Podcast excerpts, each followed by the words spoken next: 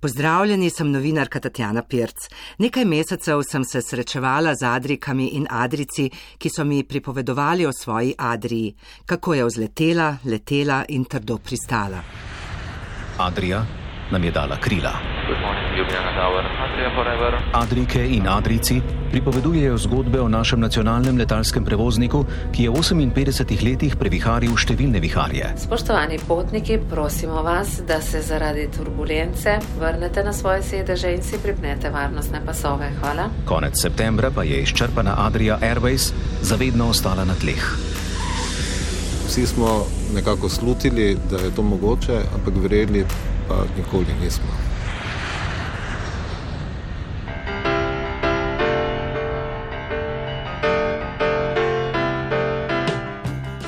16. epizoda podcasta Adria Forever. Težko je bilo za potnike in za zaposlene, pravi Zdenko Bašan, ki je v Adriji vodil oddelek podpore letenja. Jaz sem bil v Adriji zaposlen 32 plus let in moram reči, da sem skozi hodil z veseljem v službo, ampak zadnjih par mesecev pa ne več.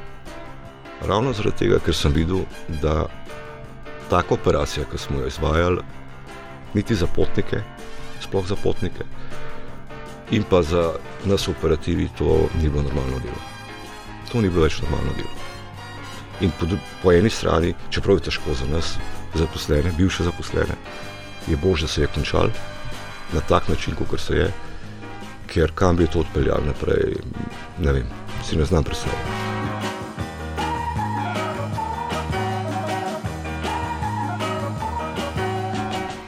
Zdenko Bašan, vodja oddelka podpore letenja, odgovoren za operativni center, navigacijsko pripravo leta in delno tudi za planiranje posadk, je takole opisal svoje delo v Adriji Airways.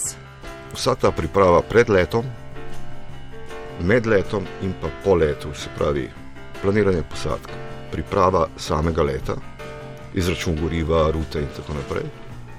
Ko pride posadka na check-in, uh, briefing s posadko, če so kakšne posebnosti, in potem sama spremljava leta med letom do destinacije in nazaj.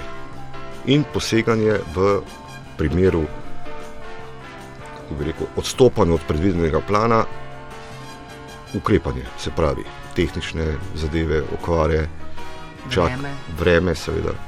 To smo v dogovoru s posadko potem določili novo destinacijo, oziroma alternacija je bila vedno določena, ampak Iz komercialnih razlogov smo se pa vedno, skoraj vedno, s posadko dogovorili, kaj iz komercialnih razlogov, katero alternacijo v primeru vremena ali pa katerih drugih razlogov nam bolj odgovarja. Alternacija pomeni, Alternacija kaj? pomeni, da eh, letališče, kamor je letalo namenjeno, iz določenih razlogov je verjetnost, da letalo ne bo pristalo tam in bo šlo na alternativno letališče. To pomeni, da je treba pripraviti tudi gorivo v tem Seveda, smislu. Ne, za, vsak, da... za, vsak let, za vsak let na destinacijo je zračunano tudi gorivo do alternacije.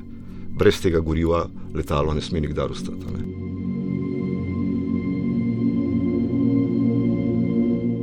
Kaj pa pri posadkah? Rekli ste planiranje posadk. Ja. Kaj pride do vas, recimo, V bistvu- kateri podatki? V bistvu v plansko službo, v plansko službo prvo pridejo iz komerciale, pridejo leti za določeno obdobje. Plan posadk se je izdeloval za 14 dni oziroma za en mesec.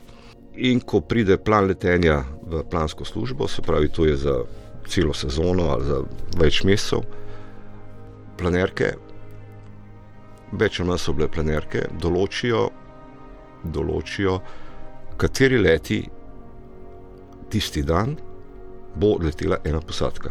Se pravi, to je bil en blok letov, štiri, ponovadi štiri, kaj bo odlet- odletela določena posadka. Na to dobi iz podatke iz trening departmenta, iz službe stivardes, šefov pilotov in tako dalje, in v skladu z kolektivno pogodbo. Uh, moram še prej povedati, da letalci, se pravi piloti in stevardese, so imeli način dela pet dni dela, dva dni off, prost.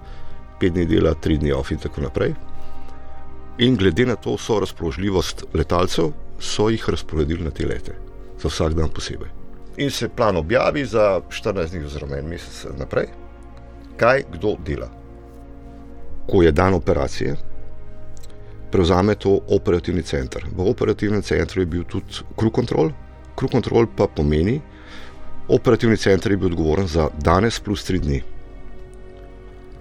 Se pravi, vse, kar se dogaja danes in tri dni naprej, koordinira in posega v plan letenja operativni Aha, center. takrat pride pa to v vaše roke. Tako je, tako je v naše roke. In v primeru, Če, na primer, koga ni. zboli Ja. ali so bili overduty, overduty pomeni kaj, da je posadka en dan predtem delala toliko časa, da naslednji dan ne more delati planirano letenje. Ne? Se pravi, kar se tiče eh, dela posadk, je, so zakoni zelo restriktivni. Mislim, tega se stoprocentno smo se držali pri planiranju in tudi pri izvajanju, odstopanja tle ni bilo. Ne?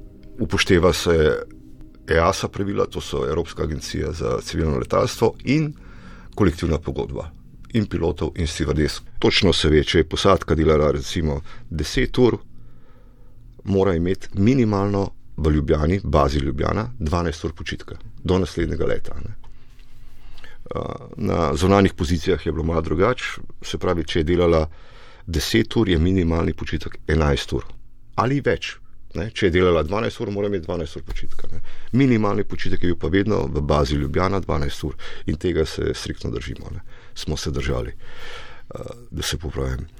Uh, in v primeru, v primeru, da pride do teh anomalij, da kdo zboli, da se ne počuti v redu, javi v operativni center. Operativni center je bil 24 ur prisoten. Ne. Crew control, kateri je skrbel za, eh, je bil del operativne ce- operativnega centra, kateri je skrbel za eh, pokritje letov, tam, kjer ni bilo cele posadke, je pa delal samo od 7 do, do 18 čez dan, po noči je pa to delal dispečer.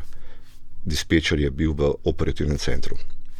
Imeli smo na voljo uh, stand-by posadke, ne pa vedno, sploh v zadnjem času, ko smo veliko delali za tuje prevoznike, Lufthansa, Austrian, Swiss in tako naprej.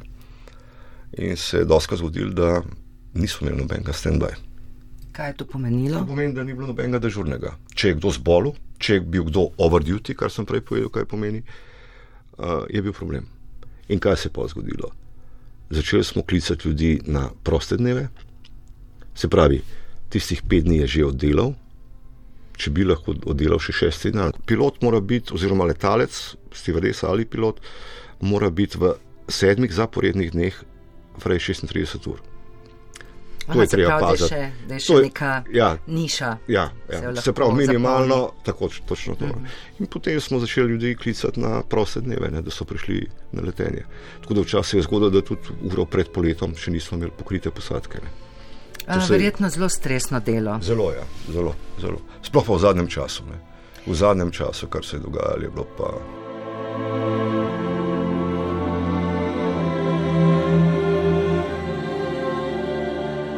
Piloti so mi povedali, da moram vprašati, kako vam je uspelo delati čudeže. Spraševala sem jih recimo o tem združevanju letov, odpovedih in tako naprej. Ja, to je zanimivo. ne. Eh, Rekla ste čudeže, ne? za, potniki, za potnike je bilo pa to verjetno mm, slaba luč, oziroma spet ta Adrija, kar se je v zadnjem času dogajalo, in jaz se s tem strinjam. Ne? Recimo, imaš 16 enot predvidenih za letenje, tisti dan. Ena, dve enoti izpadejo, kaj bomo naredili?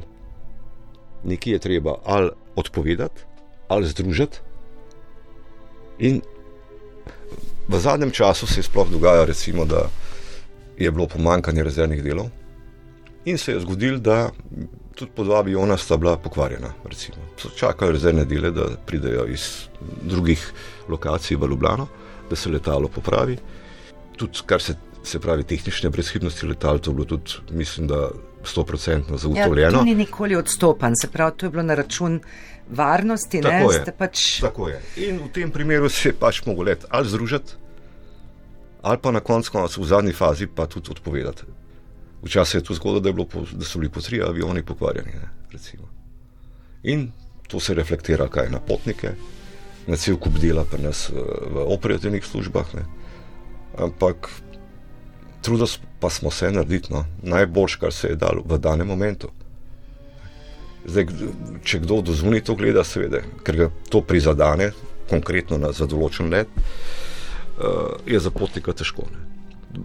Težko je pa tudi za nas. In tle, moram tudi zdaj umeniti, jaz sem bil v Adri zaposlen 32 plus let in moram reči, da sem skozi hodil z veseljem v službo, ampak zadnjih par mesecev pa ne več. Ravno zaradi tega, ker sem videl, da tako operacija, ki smo jo izvajali, niti za potnike, sploh za potnike, in pa za nas v operativi, to ni bilo normalno delo. To ni bilo več normalno delo. In po, po eni strani, čeprav je težko za nas, zaposlene, bivše zaposlene, je bož, da se je končal na tak način, kot se je, ker kam bi to odpeljal naprej, ne vem, si ne znam predstavljati. To se ne bi moglo vleči še naprej. Ne, ne, ne absolutno ne. To so bili neki zadnji zdihljaji, recimo je. to, kar vi opisujete, ja. čisto v tehničnem smislu, ja, ja. organizacijskem. Ja, tako je, tako je. In bož, da se je nehal, ker to ni bilo nobeni stvari več podobno. Mi tega nismo bili navajeni prej na ta način delati. Ne. So bile težave, ampak take, kako so se pa akumulirale zadnjih par mesecev, pa, pa ne. Prometa smo imeli izredno velik, ne. Izredno velik. Poleg tega smo imeli pa veliko letal na zunanjih lokacijah, se pravi, dve letali sta bili v Lufthansa, dve v Avstrijanu, en za Swiss, en pa za Luxer v Sarbriknu. Poleg tega smo imeli še naš, eh, naše letalo, bilo vedno v Prištini stacionirano, iz Prištine proti Nemčiji in tako naprej leto. Tako da se pravi, cel kup zunanjih baz, poleg Ljubljane, ne? in vse to je bilo treba skoordinirati. Ne? Ko uporabite besedo operacija, kaj operacija zajema, od katere točke od naprej? Prvega, od prvega predvidenega odhoda zjutraj do zadnjega pristanka zvečer. To je operacija. To je dnevna operacija. Mi smo skrbeli za celo floto, uh -huh. 16, koliko je bilo 16 letal v zadnjem času. Doskrat se je zgodilo, ker so bile posadke res obremenjene, v tujini, predvsem za Lufthansa, za Avstrijo, da so zvečer javili, da zjutraj ne morejo delati, ker so preutrujeni. Vsak letalec ima pravico po zakonodaji javiti, da se ne čuti sposobnega, da bi varno opravil svoje delo. In zato mu ni treba prenesti bolniškega lista. Teh amfitov je bilo v zadnje čase kar, kar precej, ker so bili res uh, ob 4 zjutraj začeli letenje, pa do 10-12 ur dela, 4-5 dni zaporedoma, človek se res verjame, da se utrudi ravno iz tega namena je ta amfit tudi, tudi uh, temu je tudi namenjen. Če se letalec ne počuti, da je sposoben varno odleteti, rajši javi, je boljše, da javi amfit. Potem pa spet to operativni center to rešuje. Ali je rešil, ali pa smo mogli lete odpovedati. Ne malo krat smo jih odpovedali.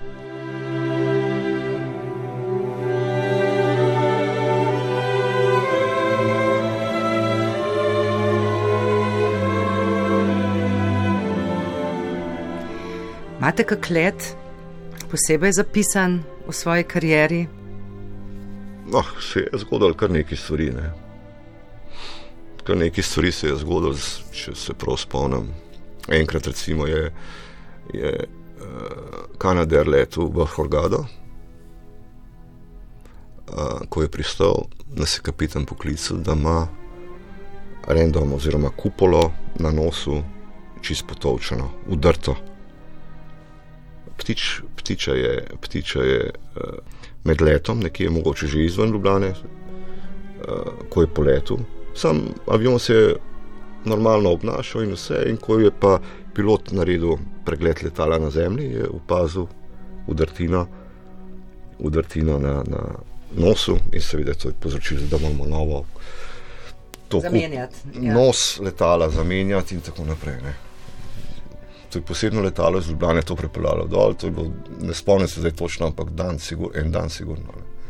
En dan sigurno. In potem vse potegne za sabo. Seveda, potnike v hotel, posadko v hotel, to letalo, katero bi mogli z Ljubljana leteti, bi mo moramo nadomestiti oziroma najeti drugo letalo nekje v tujini, če je na voljo. Uh, problem je, da jih, ok, po zim so bili na voljo, poleti pa težko dobil nadomestno letalo ne, uh, tujega prevoznika. Ne. Tako da to, to so bile težave, take operativne. Ne. Kako ste sprejeli stečaj? Jaz sem pričakoval par mesecev že, ko sem videl, kaj se dogaja, da ni rezervnih delov, da ni gum, recimo. Rezervnih gum ni bilo vsak, uh, na voljo, da so nam zaradi gum letala stala. Kar je verjetno sicer, če prevoznik posluje normalno, verjetno v skladišču. V skladišču, na, ja. ker recimo, zdaj ne vem, koliko je točno cena gume, ampak glede na to, minimalna proti tistem, kar ti škodo povzroči, če letalo stoji. Ne. Kaj je vsemu temu potrovalo, ne vem. S tem nisem sam dejstvo, je, da recimo gum ni bilo več in ko je tehnika rekla, da letalo ni plovno zaradi obrabljenosti gum, se je zgodilo, da je letalo obstalo tudi za dva dni. Ko se je to začelo dogajati, sem pričakoval, da bo zelo kratkem se kaj zgodilo. Ja. In dejansko se je tudi potem zelo kmalo zgodilo. Se pravi, z ure v uro smo reševali situacijo. Ni se vedlo, bo rezervni del, kdaj bo rezervni del, in tako naprej. Grozno. In za potnike, in za nas, za operativo, in za posadke, seveda. Tu se pač ni dalo narediti čudeža. Ne, ne, ne, ne. ne, ne.